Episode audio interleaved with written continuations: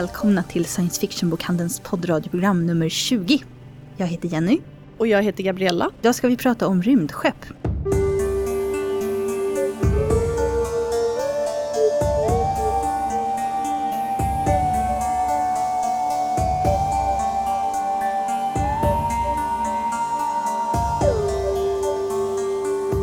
Har som ni hör en ny version av vår introjingel som vi tackar Daniel Christensen för som har gjort den första och nu på vår begäran mixat om den. Vi har även en intervju med Ann Leckie som står bakom fantastiska Ancillary Justice, Ancillary Sword och Ancillary Mercy. Vi lottar ut ett signerat exemplar av hela trilogin. Lämna oss en kommentar antingen på Facebook eller till fragor sfbok.se.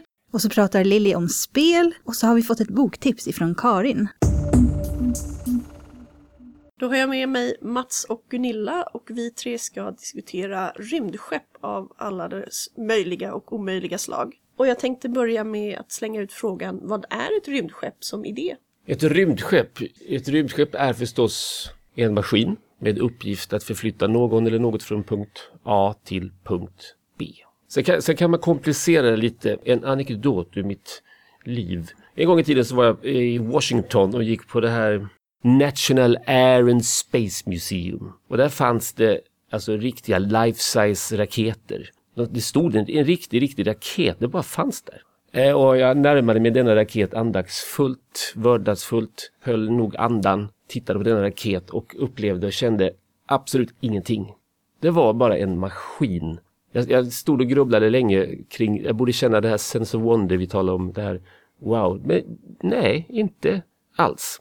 Vilket då fick mig att grubbla lite genom årens lopp.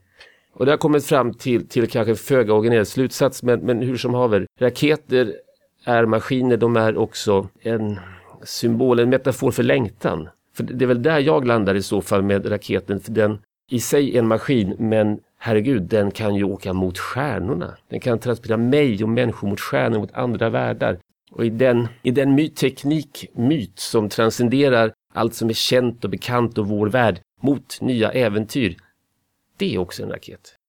Ett flyktredskap med andra ord. Mm -hmm. Ja, och det stämmer väl rätt bra in på rätt så mycket rymd-SF som är till stor del en sorts eskapistisk litteratur. Där ju längre bort desto bättre så att säga. Ofta ju mer främmande desto bättre. Och det gäller också rymdskeppen som ofta blir egna personligheter. I modern space opera så är det artificiella intelligenser som har fjärmat sig från det mänskliga och spänningen kommer ur mötet mellan det lilla mänskliga medvetandet och det stora outgrundliga artificiella medvetandet. Något vi såg redan hos Harry Martinson i Aniara i mötet med den enigmatiska miman. Mm. Eskapism, ja absolut. Eh, men också jag lägger ingen värdering på uttrycket eskapism, fast omgivna märkt ibland tycker att det är något negativt. Ett rymdskepp som eskapism, ja. Miman, Aniara som, som, som kallar du det också eskapism, men det var ändå en flykt bort från dystopisk eh, verklighet. Ja, men ändå en, ett resonemang kring eskapismen, kring också den nihilistiska världsbild från andra världskriget som Harry Martinson hade att hantera. Mm, mm. Harry Martinson hade ju en väldigt civilisationskritisk grundsyn när han ja, skrev ja. Aniara.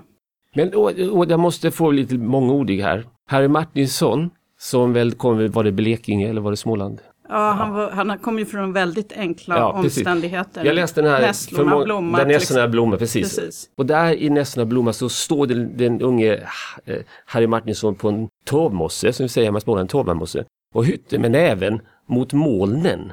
Speciellt mot molnen i väster, för det står det där i Nässlorna blomma. För där var längtan som störst. Han står på torvmossen och drömmer sig bort i skyarna. Eh, och molnen skakar näven, han kommer ju ingenstans. Han står på en jävla torvmosse. Ja. Han Men, gjorde en lång resa. Sen gjorde han en lång resa. Och Harry skriver raketdiktsviten som, som fortfarande lever än idag och det är ju längtan i den också. Ja, det är längtan och det är en kritik mot 50-talets eh, kalla krig och kärnvapenrace. Mm, som mm. ju var något som upptog mycket av Harrys uppmärksamhet då. Jag har framförallt sett eh, pjäsversionen som Stadsteatern satte upp för några år sedan och det känns mycket som att de använder rymdskeppet som bild. Den yttre resan skapar den inre resan och det är ju en ofta en klaustrofobisk miljö i många rymdskepp och även om de är stora och mycket utrymme och väldigt luxuriöst utformade ibland så kommer man inte därifrån. Det är bara tomheter runt omkring. För mig är det en annan del av det som gör ett, ett rymdskepp, en rymdfarkost så speciell. Ja, det, om man får in en helt modern roman i sammanhanget så tycker jag till exempel Peter Watts Dark Light som handlar om mötet med en oändligt främmande, jag ska inte säga intelligens, utan någonting i utkanten av solsystemet. Dit det skickas ett litet rymdskepp med en väldigt märklig besättning som ska ta kontakt med detta någonting som ingen vet vad det är. Den beskriver på ett fantastiskt bra sätt det nådlösa i rymden, hur vi är skapta på jorden och vi har väldigt svårt att överleva i den här oerhört fientliga miljön. Och samtidigt hur fascinerande det är. Den rekommenderas varmt. Och den har också en bra skildring av det här som du beskriver, att resan med rymdskeppet handlar om att man har lämnat det förflutna bakom sig. Man har ännu inte kommit fram till detta någonting som man ska nå fram till. Och man kommer kanske aldrig att förstå detta någonting man kommer att nå fram till. 2001 är också en sån väldigt typisk berättelse. Mm. För att låna, jag tror, kanske alla litteraturvetarlärares favoritord så är ju rymdskeppen en liminell miljö med gränslandet mm. mellan allting. Jo, även om Aniara handlar om längtan ut så finns det också likheter mellan Aniara och På stranden. Ja, ja i, definitivt. Och de är skapade ur mm. samma oro. Var tid har sin undergång så att säga. Ja. Och i det här fallet atomkraft, döden.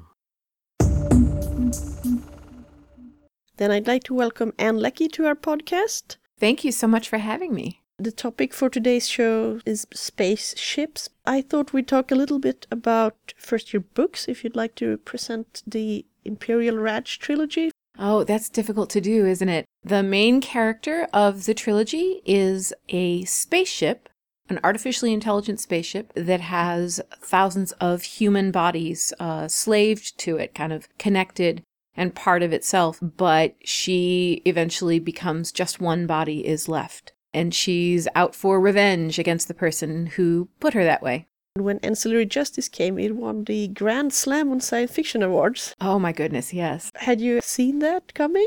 No, I did not see that coming at all. The very first award nomination, I was really thrilled and excited, and it was a very, it's a British based, the Kitchies, they call themselves, and they give out the Golden Tentacle for Best First Novel when I got the nomination, I was like, oh, hooray, I have an award nomination. That's like the best thing ever. And then it won, and I was really excited. The trophy, it's wonderful. It's hand sewn satin, a squiggly stuffed tentacle, gold satin, and it's got sparkly pom poms glued on it to be the suckers. And it has the name of the book like sharpied on the label on the back. It sounds lovely. It's wonderful, and it's it's right up there with all the other awards. It was the first one I got, and in some ways, it's kind of my favorite. Not to say, don't want to insult the other ones. And I thought, well, there that is. That's you know, that's as high as that gets, and that's pretty super awesome and then the other ones started coming in, and I began to feel like I was hallucinating, right? I can understand the feeling. The Hugo, the Nebula, and the Arthur C. Clarke Award, right? Yes, yes.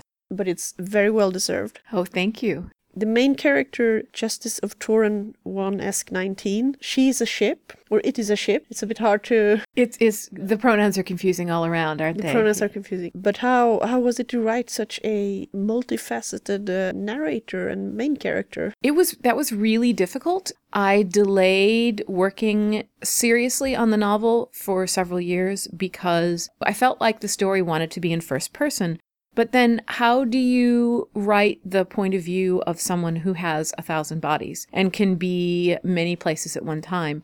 I couldn't see how to do that. So I spent a lot of time just sort of writing around that and avoiding the story. And finally, I said, I have to sit down and do it. In the end, I just decided I just needed to set things down very clearly. Just say, this happened in this place, this happened in this place, and just make it as not confusing as possible.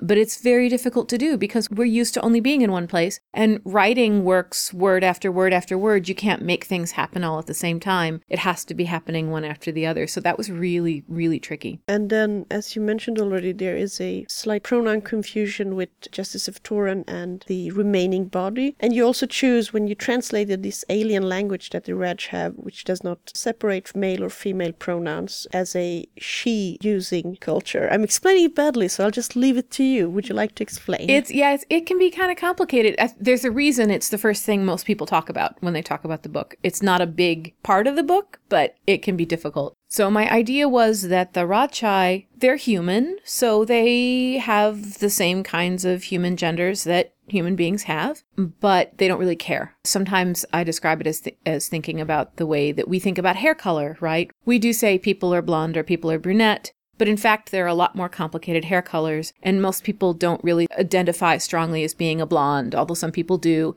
If you feel like you're better as a brunette, you can dye your hair. You know, nobody really cares. I had tried writing that society with that attitude and using just he and she binary genders for everyone.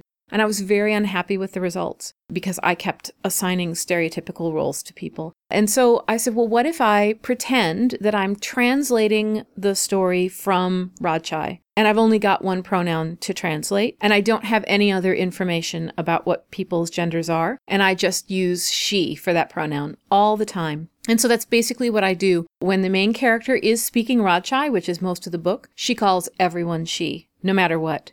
When she's speaking another language that's using gendered pronouns, she'll try and use the right pronoun, but sometimes she gets it wrong. And so sometimes that's kind of confusing. But some readers have thought that everyone in the book is a woman, which I knew some readers would come to that conclusion. And I don't honestly mind that too much. That's fine with me because there are plenty of science fiction books that seem like they have nothing but men in them. So that's totally fine with me. But yeah, the idea was to try and convey a society that really didn't care about gender. And I know actually lots of real world languages that don't use gendered pronouns. I know Finnish doesn't. I think spoken Chinese doesn't. One or the other, written or spoken Chinese. So there are a lot of languages, but they don't necessarily not care about gender. So I know that, but I was kind of trying to get across that gender totally did not matter to the people in the book. It's very interesting. It took a moment for me as a reader to adjust, but I think it also went a lot quicker than Xi or any other invented or not standard pronoun. I thought about using one of the, some are being used fairly recently by non binary folks, which actually I'm glad to see because I think we could use those to be more common. But they're uncommon enough that I felt it made the text really difficult to read. And I thought about using singular they, which some people will tell you is not grammatical, but it is totally grammatical. There's nothing wrong with singular they. But some of my characters have thousands of bodies. That makes the potential pluralness of singular they really ambiguous in a way that I thought was not going to be helpful. And so I decided that she was the way to go. And it has some drawbacks, but I think it was probably the best choice that I could have made at the time. I don't see any drawbacks at all with a potential space opera with 99.99% women. No, but one of the drawbacks is that there are folks who experience their gender as non binary, for instance. Using she erases that. It doesn't bring attention to the non binariness of the Radchaai. It makes it seem like they're all feminine. And so the good part of that is that we get the strong implication of feminine, which, as you say, is a fab. It's you know we hardly ever get that. On the bad side of it is that it it misses out something that I think is kind of important. So You don't write very hard SF in the sense that we have a lot of time in the machine room, but you come from science fiction fandom yourself. How much have you been writing in the tradition, so to speak, or writing against the tradition? I've been reading science fiction since I was very young. I the very first book I ever bought for myself with my very own money was a science fiction book. It was a little 25 cent scholastic paperback from the flyer that they send out to schools, you know. And and I think I was 8 years old. And so in a lot of ways I'm drawing a lot on that tradition. One of the things that's difficult in writing science fiction, and one of the things that as a science fiction reader can be difficult for a new science fiction reader to learn to do, is to decode the exposition. Trying to get so much information across. When you're writing in the real world, right, there are a lot of things you know your reader already knows, and you don't have to explain or describe them because you know your reader already has that in place. When you're writing in a very different world, you have to explain and set up things that normally you wouldn't have to because otherwise it's just going to seem like it's happening in this world. So science fiction and fantasy writers have a lot of techniques for getting that information down on the page. so that the reader understands what's going on. But also, science fiction and fantasy readers learn over time how to read those techniques. And so that you can almost kind of shorthand them. You come across something and you go, oh, I know what that means because I've seen it before. And one of the choices that I made for Ancillary Justice uh, was to just throw the reader in in the middle and let the reader figure out the world and what's going on as they go another writer or myself at another time might stop and explain first, right? Which is a perfectly valid way to do it. As a reader, one of the things I enjoy about science fiction is figuring out what's going on. I enjoy being lost for the first 20 pages because I know it's all going to fall into place. But not everybody enjoys that. So I have seen a number of folks comment that it was just really confusing and a lot of hard work at the beginning because I just put stuff on the page. I just give names. I say these things happen and I don't explain why. I don't explain what's going on. And so it can take a while to get oriented. And you use a similar technique with the emotional mental space of uh, Breq, which you mentioned during the talk yesterday. It was also an issue for some readers to pick up on that Breq has a lot of emotions that she denies or does not acknowledge. How was it to be in Breq's head? Oh, it's a lot of fun, actually. I really enjoy it. Because I'm writing her and because I'm so backstage on her character, it kind of surprised me the first time I read somebody say, Well, she seems so alien. And I thought, Well, she doesn't seem that alien to me. but also, I mean, different people process their emotions differently. And I think there are a fair number of people who interact with their emotions in a similar way to the way Breq does, which is to just mostly not talk about them, either because it would make them uncomfortable or that's one of the ways that they're going to cope think it for Breq, one of the reasons is that's one of the ways she copes because, as I said, when I saw the first time I saw somebody say, well, the main character is completely emotionless. And I thought, the main character is completely the, if there's an opposite to emotionless, that's Breq. But she has such strong emotions that they're hard to get through, right? And one of the ways to do that is to just be like, it's not there. It's not there. I think, as I said yesterday, as a reader, I actually find that sort of indirect method of conveying a character's emotion to, to have more impact on me. I feel it more in me than when I just read a description. Oh, she cried, she was sad, her heart was broken, whatever. And that can work too. I don't mean to put down you know, other styles of conveying that on the page. But for me as a reader, that just hits me really strongly. And of course, it's, it's very fun to do too, to kind of fine tune it and and say, now, how can I hint this? Where can I get it across the page? Do I have to have somebody else say something? So in some places, I did have to have somebody else say, why are you crying? Or, you know, something like that you have a huge amount of fine little details that make the world really rich and give it a sense of depth. There's the tea and all the songs that Breq has collected and so on. Can you tell us some of where that comes from? Your personal interest or because it fit the story and so? It's a combination of them. Some of them are just my personal interest. The universe is one. It, I didn't set out to design a universe. I just sort of started accumulating cool stuff and snapping it together and eventually just kept throwing in whatever cool things I could find. And so that accumulated over time. But I also found that once again, as a reader, I always, when I write, I go back to what I want to see when I read those really detailed worlds I find really super interesting. Also, in some respects, it's an excuse to let me do a lot of research because then I, I can go to the library and go, oh, I have to read up on all this stuff, right? If you're the sort of person who loves to read, being a writer is the best job in the world because anything you read is, well, this is official business. I'm not just sitting on the couch being lazy reading a comic book, I'm working. It was a lot of fun to take the things that I had read about or researched or thought were cool and then fit them in somehow. I came to really enjoy making the world very complicated. I enjoy singing. I particularly enjoy choral singing. And when I thought to myself, okay, I have a character who has 20 bodies, what would I do if I were a character with 20 bodies? Because that's what you ask yourself about a character. What would I do? And I thought to myself, I would sing choral music all by myself. And that would be super awesome.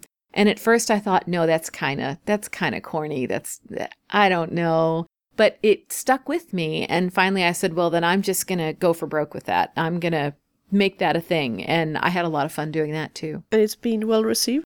It, it has been, absolutely. Yeah. I've been really pleasantly surprised at that. Another character with a huge number of bodies in this book is the Space Empress, Anaander Mianaai. I I find it a, a, fascinating opponent. Can you tell us something about how you came up with the character and the background of the Radch, this gigantic galaxy spanning empire? Um, I'm not sure where Anaander Mianaai came from. The the multi-bodied characters, the ships, and Anaander Mianaai were kind of where the story started. Once I had that idea, the rest of the story began to grow around that. The Radch itself is a Dyson sphere. The society, the cultures, it has to be more than one because a Dyson sphere is huge, right? The cultures that built that wanted to enclose themselves away from the rest of the universe and keep themselves sort of safe and pure from any interference or any sort of ritual impurity. But Anaander Mianaai is a person who, for some reason, is looking outward and wanting to push her power outward. And she says to herself, and she says to Breq at one point, uh, that the reason she's doing it is to keep that that center safe, to make a zone on the outside of it that no one can come through and bother the Radch. But once she started pushing outward, she can't stop because it's the pushing outward that fuels being able to move and is that's fueling the economy. Once she stops moving outward, that inflow of resources stops and things all collapse. And then, of course, she has problems. She'll have revolutions and wars to fight in her own territory. So she's kind of trapped, having to keep pushing forward. Some people ask me every now and then, well, what's her what's her origin story? How did she get to be because this is a drastic step, right? To clone yourself and make yourself this multi-bodied person and just keep keep on building yourself out to be this huge entity, to be a being that the Radchaai wouldn't consider human, although nobody in Radch space would even say that. It's kind of for, for us as an outsider, it's obvious that she's like the ships in some way, but the Radchaai wouldn't ever say it that way. But that's a big step to take. And why? Who, who is she that she would do this to herself? That's a backstory I haven't delved into very much. I don't know if I will in the future or not, but there's certainly a complicated story behind that. Another set of characters I think many readers have fallen for are the translators, who are representatives of the alien race and are very, very unusual figures. Do you want to tell us a little bit about them? Oh, I. I love the translators. Yes, translator Dlique and translator Zeiat. They're modified humans, or they were they were grown from human DNA, right, by these extremely powerful and dangerous aliens so that they could communicate with humans and are the the basis for a treaty between humans and these aliens so that humans don't have to worry about the aliens just up and killing everybody because they're sort of alien and they don't grow up with they never did grow up with other humans. The original ones never did. They don't really think like humans. And maybe when the Presger put humans together they didn't put them together quite right. There's something going on with their digestive systems. I can oh tell there that certainly much. is. And I, I know more about that than arrives on the page but i feel like it kind of makes it more fun if i don't just come out and explain why they do the things that they do or how they do the things that they do they're so much fun to write because they're just so off kilter, because they don't look at things the way that the other humans in the book do. Or maybe in some cases they do, but they kind of comment on it, or in some cases they're being a little bit snarky, to Breq in particular. Rymdskeppstyper ska vi då tala om i den andra delen av vårt program om resor i rymden. Och här finns det ju många olika varianter från det lilla dogfighting-skeppet som Darth Vader susar iväg i i slutet av Stjärnornas krig till eh, månggenerationsskepp och den senaste varianten väldigt, väldigt, väldigt, väldigt små skepp. För det är ju så att man inom science fiction nu för tiden kan digitalisera sig och förvandlas till ett antal ettor och nollor som tar väldigt lite plats. Och då finns det ju ingen anledning att ha stora, bulkiga, vackra, designade rymdskepp, utan rymdskeppen kan rymmas i en tändsticksask och susa iväg ut mot Pluto och evigheten där utanför.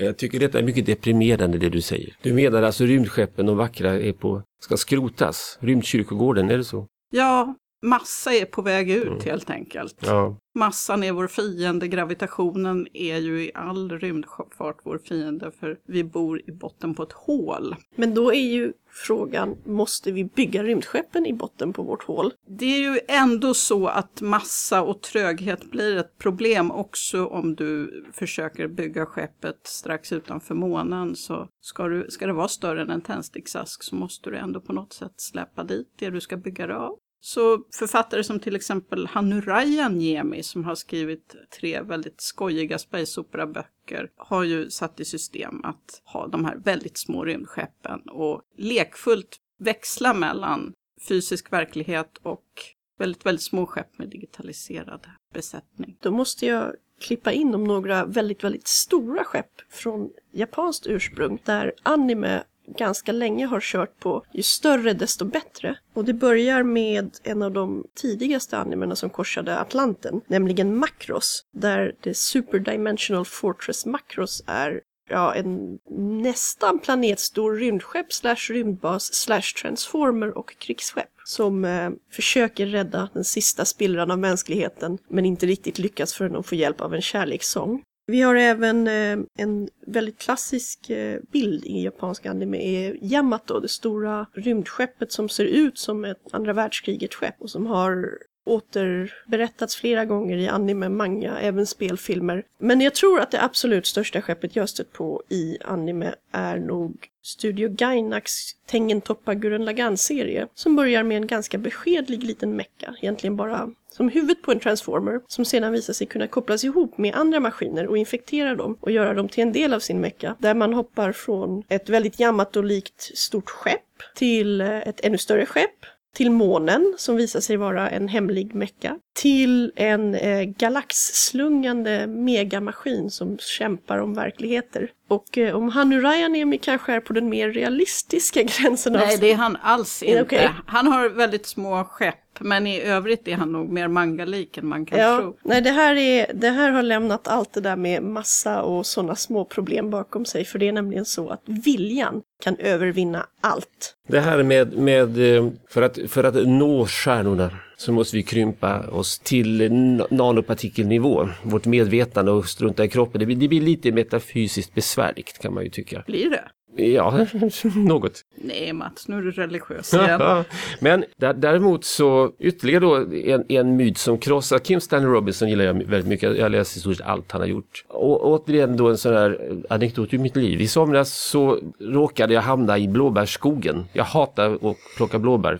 Det är mycket roligare att läsa böcker till exempel. Men nu, nu hamnade jag, jag gillar blåbär i müsli på morgonen. Så jag hamnade i blåbärsskogen och för att stå ut så lyssnade jag på Code Street Podcast som då hade en lång intervju med Kim Stanley Robinson just när han släppt sin roman Aurora. Och vad säger då Kim Stanley? Jo, han säger att det här mot stjärnorna med raketer, en dum myt som vi ska överge. Vi kommer i framtiden att kolonialisera vårt solsystem, punkt. Det är vad som kommer att ske. Det verkar och det ju ganska bör, troligt. Det bör vi inse att det är så. Ja, det är ju jättetroligt, men i blåbärsskogen så skrek jag, han är dum i huvudet, just du! Och så vidare. För mig själv då, så ingen hörde för de trodde jag var helt tokig. För det stör mig, jag vill ju ha det där äventyret, då är jag tillbaka till eskapismen. Men kanske får man väl bita i något surt äpple här och acceptera. Ja, och kanske tänka sig att eskapismen kan läggas på en annan nivå. Bland Guren Lagan och kanske Ian Banks storslagna culture-rymdskepp. Ja som är som en sorts maktfantasigudar som tuffar runt och behandlar sina humanoida små, inte undersåtar kanske, men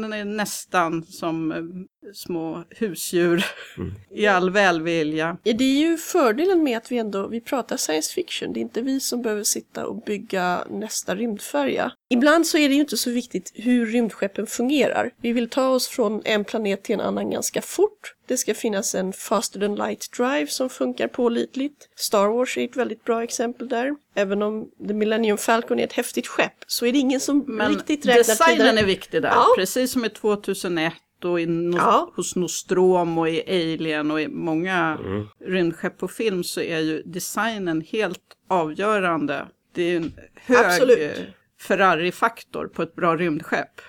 Ferrari eller lite så här vintage raggarbil skulle jag säga, ja. vissa av dem. Mm. Men, Millennium Falcon. Bra rymdskepp på bio ska ju vara som en bra bil. Men eh, däremot så är det nog ingen större idé att sätta sig och räkna ut hur lång tid det tar att färdas mellan vissa platser i Star Wars-filmerna med stöd från böcker och filmer och expanded universe som inte längre gäller. För att det funkar helt enkelt så snabbt som berättelsen kräver. Och det är väl det jag tänker att det finns ju rymdskeppsproblematik i denna värld och rymdskeppsproblematik i litteraturens värld som är lite annorlunda ifall jag, jag tänkte på omsorg om de som lyssnat, för någon blir lika deprimerad som jag. Just att eh, mot stjärnorna kanske inte är så troligt då. Så man, man kan faktiskt pigga upp sig och återfå tron på det där på ett ganska enkelt sätt. Man går till sån där som säger internationell press eller någonting och så går man bort till de här tidskrifterna som heter Science eller eh, American Scientific bla bla. Det finns alltid ett gäng sådana. Man kan ge sig tusan på att någon av dem kommer ha på omslaget där det står Travel Black Hole Infinity. Yes! How to do it. Det, det finns alltid några, några forskare någonstans som har en lösning på problemet. Då blir, jag, då blir jag glad. idén om att vi kan bygga väldigt, väldigt små rymdskepp som kanske kan ta sig till Alpha Centauri. Det trodde vi ju faktiskt inte för 20 år sedan. Mm. Så det är väl en sorts plus. Ja, och jag tycker... Också ur Sense of Wonder och längta mot rymden. Ja, det, det, det är det att man måste göra utan kropp kroppen. Det känns, det känns lite konstigt. Jag tycker du är lite kroppsfixerad Mats. ja, allt blir bättre ja, utan ja. kropp. Nej, okay. inte allt kanske. Ja, ge mig digital, digitalisera mig då, gör det. Jag, jag, jag är beredd att göra det för att nå stjärnorna. Ja, eller yes, hur? jag är på. Jag tycker att både Karen Lord och Nedi Okorafor har intressanta biologiska rymdskepp som jag annars mest stött på i lite noveller och så här kortare idéer. Men eh, i Binti av Okorafor, en jättehärlig liten kortroman så får jag i alla fall intrycket av att det var någon slags nästan jätteräka som de hade byggt ett, eller liksom byggt in den här kapseln där människorna och den konstgjorda lilla trädgården som gav syre och så var under skalet. Och den färdas då genom rymden problemfritt tills de blir anfallna av de elaka utomjordingarna. Och i Karen Lords varelser är något vagare definierade och framförallt får vi reda på dem mycket mer i hennes andra bok The Galaxy Game och det är en stor spoiler det vi får reda på så jag kan inte berätta allt men de är också lite Medusa-manet liknande som kopplar sig till piloternas medvetande och ger upphov till märkliga drömmar hos passagerarna. Det är ju annars kryo-sömnen, nedfrysningen och, och de långa skeppsresorna. Känns som en idé som hon har tagit upp och bearbetat lite, gjort mer levande där. Har vi några fler rymdskeppstyper? Världsskeppen förstås. Världsskeppen? Ja, rymdskepp stora som hela världar. Eh, förstås världsskeppet nummer ett Rama, eh, ja. Clarks Rendezvous med Rama. Eh, alltså i princip, eller de här Kim Stanley Robinson återigen, de här urholkade asteroiderna som, som man då kan ha inneslutna hela världen och, och åka runt i solsystemet lite ja, som man tycker. Byggts biosfärer i urholkade. Biosfärer, yes. Eh, I någon uh, sån där... As, uh, Flera månggenerationsskepp är ju också som värdar. Nonstop av Aldis till exempel. Mm. En sån mm, mm.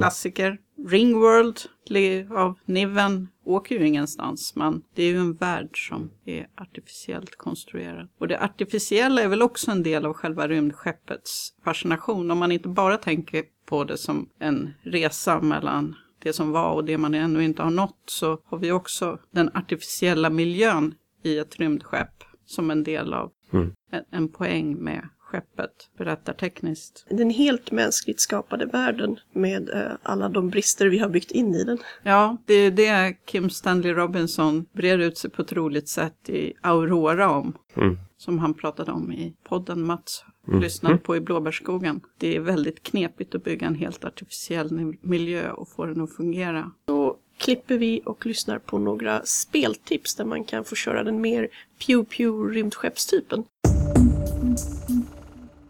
So we were discussing spaceship games the other day, and you said that you wanted to talk about Apollo 13. Why is that? Well, Apollo 13 is a game that has just kind of appeared on our shelves very recently, and it was one that kind of piqued my interest due to its theme and due to its ideas. Apollo 13, of course, was the mission to land astronauts on the moon that went horribly awry, and it's one of the most interesting and most brilliant stories in real world history of the power and positive ingenuity and the talent of real human beings able to solve massive crises. It's by all means a mission that should have gone in complete disaster, but due to quick thinking, human engineering, and perseverance, people were able to, you know, both on the ground and in space, able to navigate this crew of starfighters back home safely. When I heard of someone making that into a board game, I thought I really want to try this out and check out to see what's here and then see how it works. And while it's not the best game that's going to come out this year, it was definitely something that met and it slightly exceeded my expectations. All right. Why? In general, I like co-ops because uh, my game group tends to, you know, be fairly competitive in a negative way. That works really well with games like, say, Spartacus or something like, let's say, Battlestar Galactica. And this game introduced something that, or had has a bit of mechanics that remind me of Battlestar Galactica, in that there are event cards and there are crises that come out that players have to manage together. You'll have cards that will meet certain criterias of this event track. At the beginning of the game, you're going to shuffle up these different events. I believe A to G in terms of alphabetical order, and it's you know kind of on rails in its events because you know these certain things happen and so on and so forth. And then you have the actual strength and resources of the ship, you know, available as well as the team and your personal stress and stamina and the fuel on the ship and the hull and all these other different things that are slowly deteriorating and you know basically every card is trying to make you die and you have to try to work together to not let that happen. It's a very very tough co-op sometimes and it's one that's works the right time. It's one that I feel has limited replayability but not so limited in like the say Pandemic Legacy or the Reiner Knizia's Lord of the Rings. It was one that I like I said, that was really, really surprised by how much I actually did enjoy it. So it's from a company that I know I've heard of, but I don't really know if I've ever actually played their games. Passport Game Studios. It's like a company that you kind of hear around, but never actually try their games. How hard is it? I wouldn't say it's harder than a lot of entry level co op.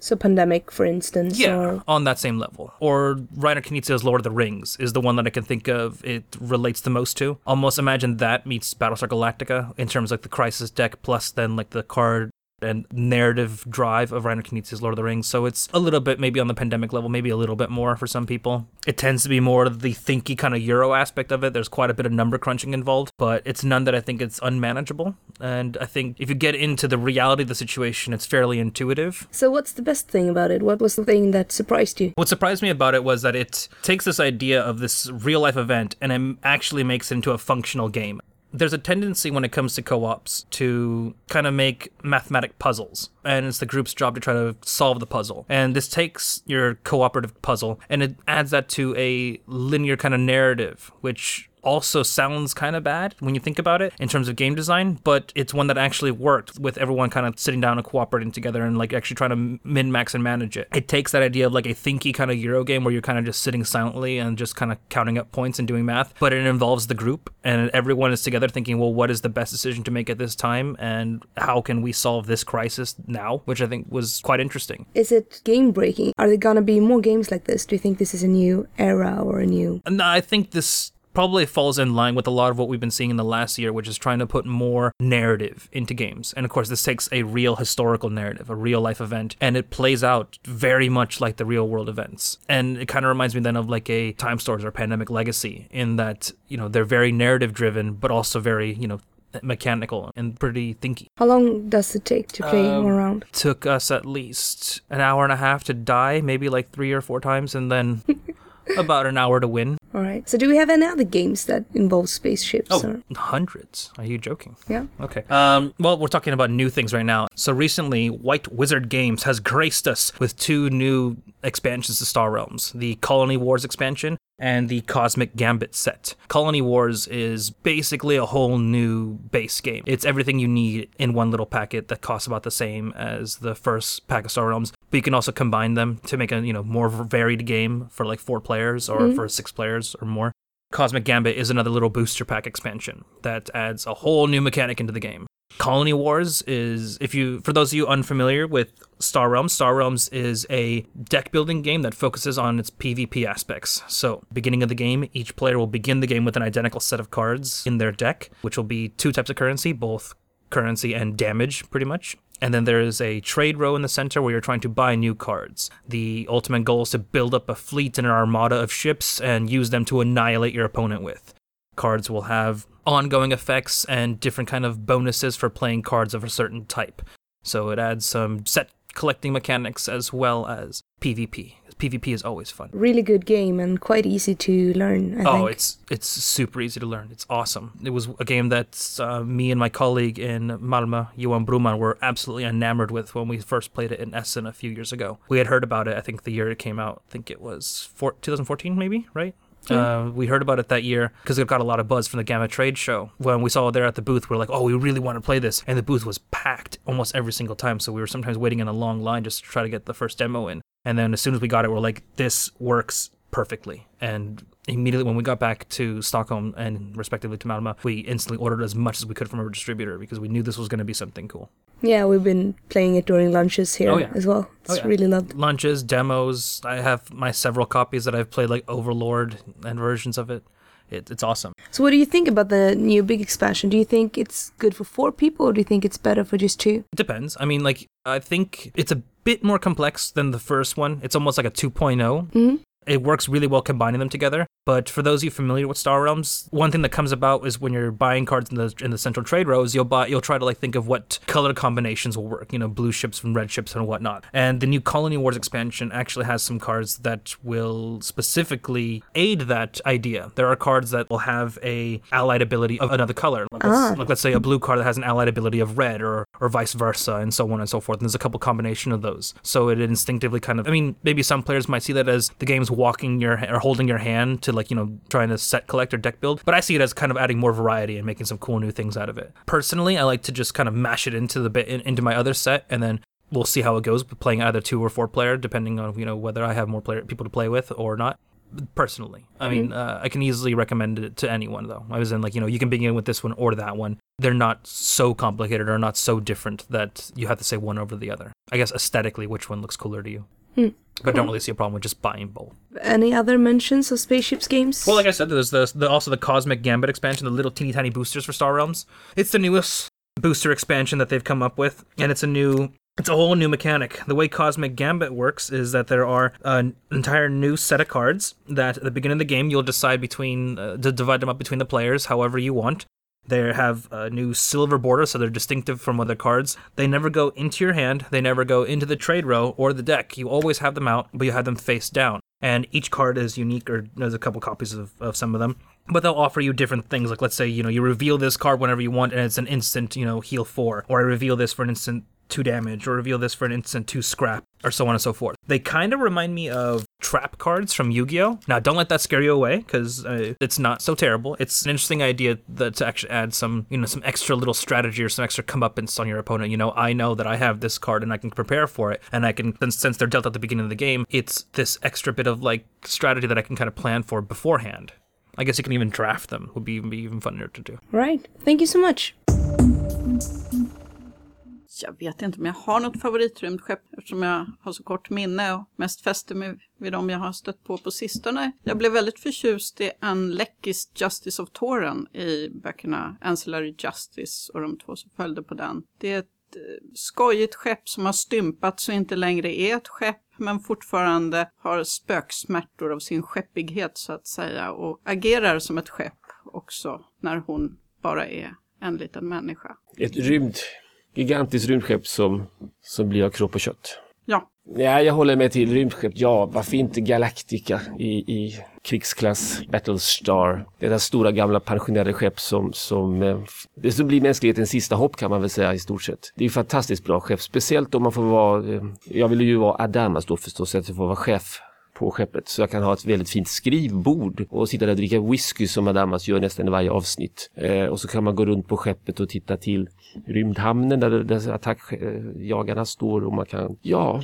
ja det är ganska så bra tror jag och, och titta ut i rymden. Sen kommer vi och skriker Mats, Mats, det brinner och cylonerna kommer. ja, det, men då, är- har ju, då är jag handlingens man eh, och, och eh, fixar det. Ja. Det är sådana vi lägen man känner att ett annat favoritskepp skulle ju kunna vara det lilla tefatet från Linda och Valentin. För det kan inte bara fly i, i rummet utan också i tiden, vilket ju ökar eskapistfaktorn med en dimension Och i vet, ett. Ja visst, och vet du vad det vackra, förlåt att jag avbryter, men det, det vackraste rymdskeppet, vet du vad det är? Vet ni det? Det är ju Tintins rymd, det röd, vit, rutiga skeppet som står på tre droppstensformade fötter. Det är ett fantastiskt fint skepp tycker jag. Fast det är inte riktigt ett sånt där skepp man reser hit och dit Ja, med. till det är ett skepp härifrån till månen. Ja, men i alla fall. Ja, ja. Det är många som gillar det. det är. Mm. Men det är vackert. Ja, det är vackert. Ja. Rent estetiskt vackert. Men man vill ju längre än till månen Mm. förstås. Ja, ja. Jag tror det första skeppet jag blev kär i, det var Hjärtat av guld med den oändliga osannolikhetsdriften. Jag hade läst science fiction innan jag läste Douglas Adams, men aldrig en med en sån språklig sprängkraft i att ta konstiga idéer och en berättelse som får iväg helt åt ett annat håll än han lovade. Lite som ett vilset rymdskepp som passerar varje partikel av universum samtidigt varje gång det reser, så du vet inte var du hamnar, men det är en väldigt fin resa. Och den är också vacker enligt sin beskrivning. Hjärta av guld, ser ut som en vit gympadoja.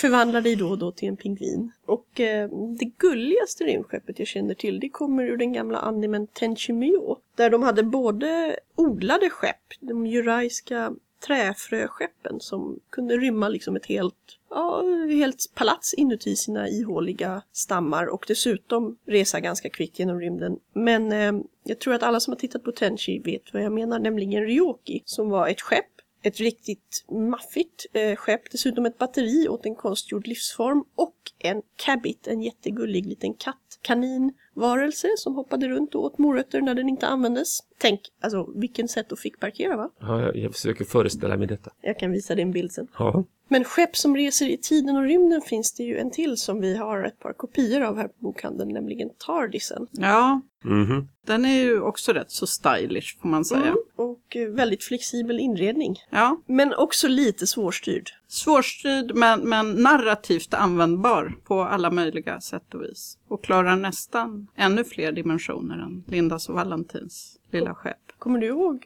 Vad är det för skepp de åker i? Det är väl någon slags stor lyxkryssare med kasinospel och saker som de är ombord på under någon del. Ja, de är ju ofta på så här bar- barocka operettvärldar fyllda med eh, drinkar och varelser. plymer och fantasifulla varelser. Väldigt visuellt slående science fiction. Ja, och väldigt, väldigt stilbildande. Star Wars vore knappast vad den vore utan Linda och Valentin. Det finns rätt stora likheter mellan deras skepp och Millennium Falcon om man tittar efter. Och eh, om alla högre krafter vill oss väl så kommer vi till och med få en film med Linda och Valentin Ja, som förhoppningsvis får fler att upptäcka serien. den har fått rätt så stor budget nu såg jag. Den budgeten verkar växa lite gradvis så hopp finns om en bra film. Och de två små farbröderna är inblandade bägge två. Vi hoppas att det kan bli bra.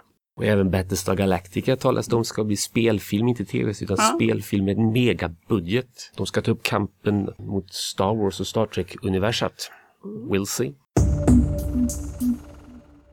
You're also one of the authors who seem very fan engaged. You make these little pins which you brought to the signing and you, you can also buy and you also interact with your fans on Tumblr and Twitter and everything. How has that been to to step into this fan space world? Oh, That's been so much fun. It has been so much fun. Although I'm very wary of stepping too hard, of messing up the interaction.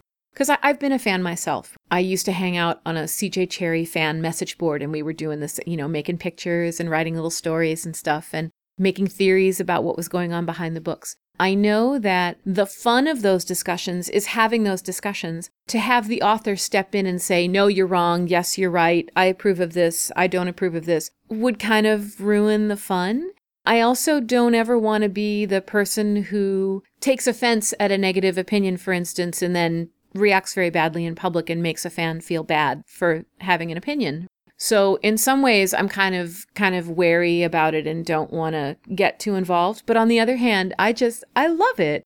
I really love seeing people talk about their favorite characters. I know I was saying earlier, I love the way so many readers love Kalr 5, who's a very minor character, but some number of readers have told me they just they love her, they identify with her, they really care about her. That's part of the reason that I do make myself available on Tumblr. I kind of try and think, you know, with the the writers who I idolize, how would I want that interaction to go down? Uh, you know, anytime that happens, what what would I want to happen if I were the fan here? Because I really appreciate my readers a lot.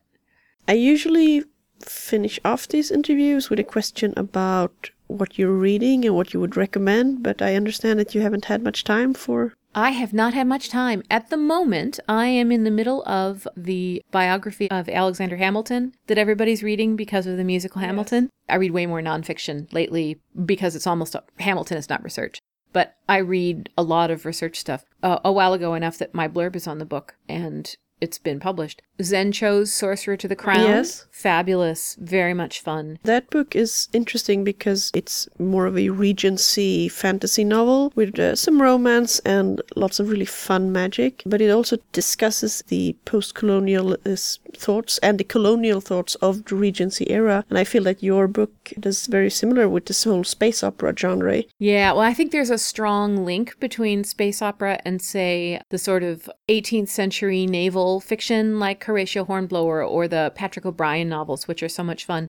I think there's it's not an accident that so many science fiction readers really love Patrick O'Brian, for instance. And I think you're right about the sort of political connection between those. I think Sorcerer to the Crown is really in dialogue a lot with uh, Jonathan Strange and Mr. Norrell Yeah. and brings characters of color to the forefront in a way that Jonathan Strange couldn't or didn't. And so I really enjoy that. But it's also it's lighter. It's it's more romancy. It's I know from talking to Zen Cho herself, she's a big fan of P.G. Wodehouse, so quite a lot of uh, Sorcerer to the Crown is quite funny. It's wonderful to see how books that discuss this, or not even discuss it, books that think about it when they were written, can uh, be published these days. How was it received at your publishers and by critics? The colonialism angle, it's very heavy in the second book. where They talk about the tea plantation. it is very heavy so- to, to the point that some readers have felt that it was too heavy. Every reading experience is valid. I wrote the book I wanted to write. For a while, for a number of reasons, I thought I would have a hard time selling Ancillary Justice. I thought that I would have a difficult time placing it with a publisher. That turned out not to be the case, which I think is really good, not just for me, but just generally. And of course, as I said, some readers have reacted really well to it, and some readers haven't seen it at all, and some readers really have not liked that aspect of the stories. But for me,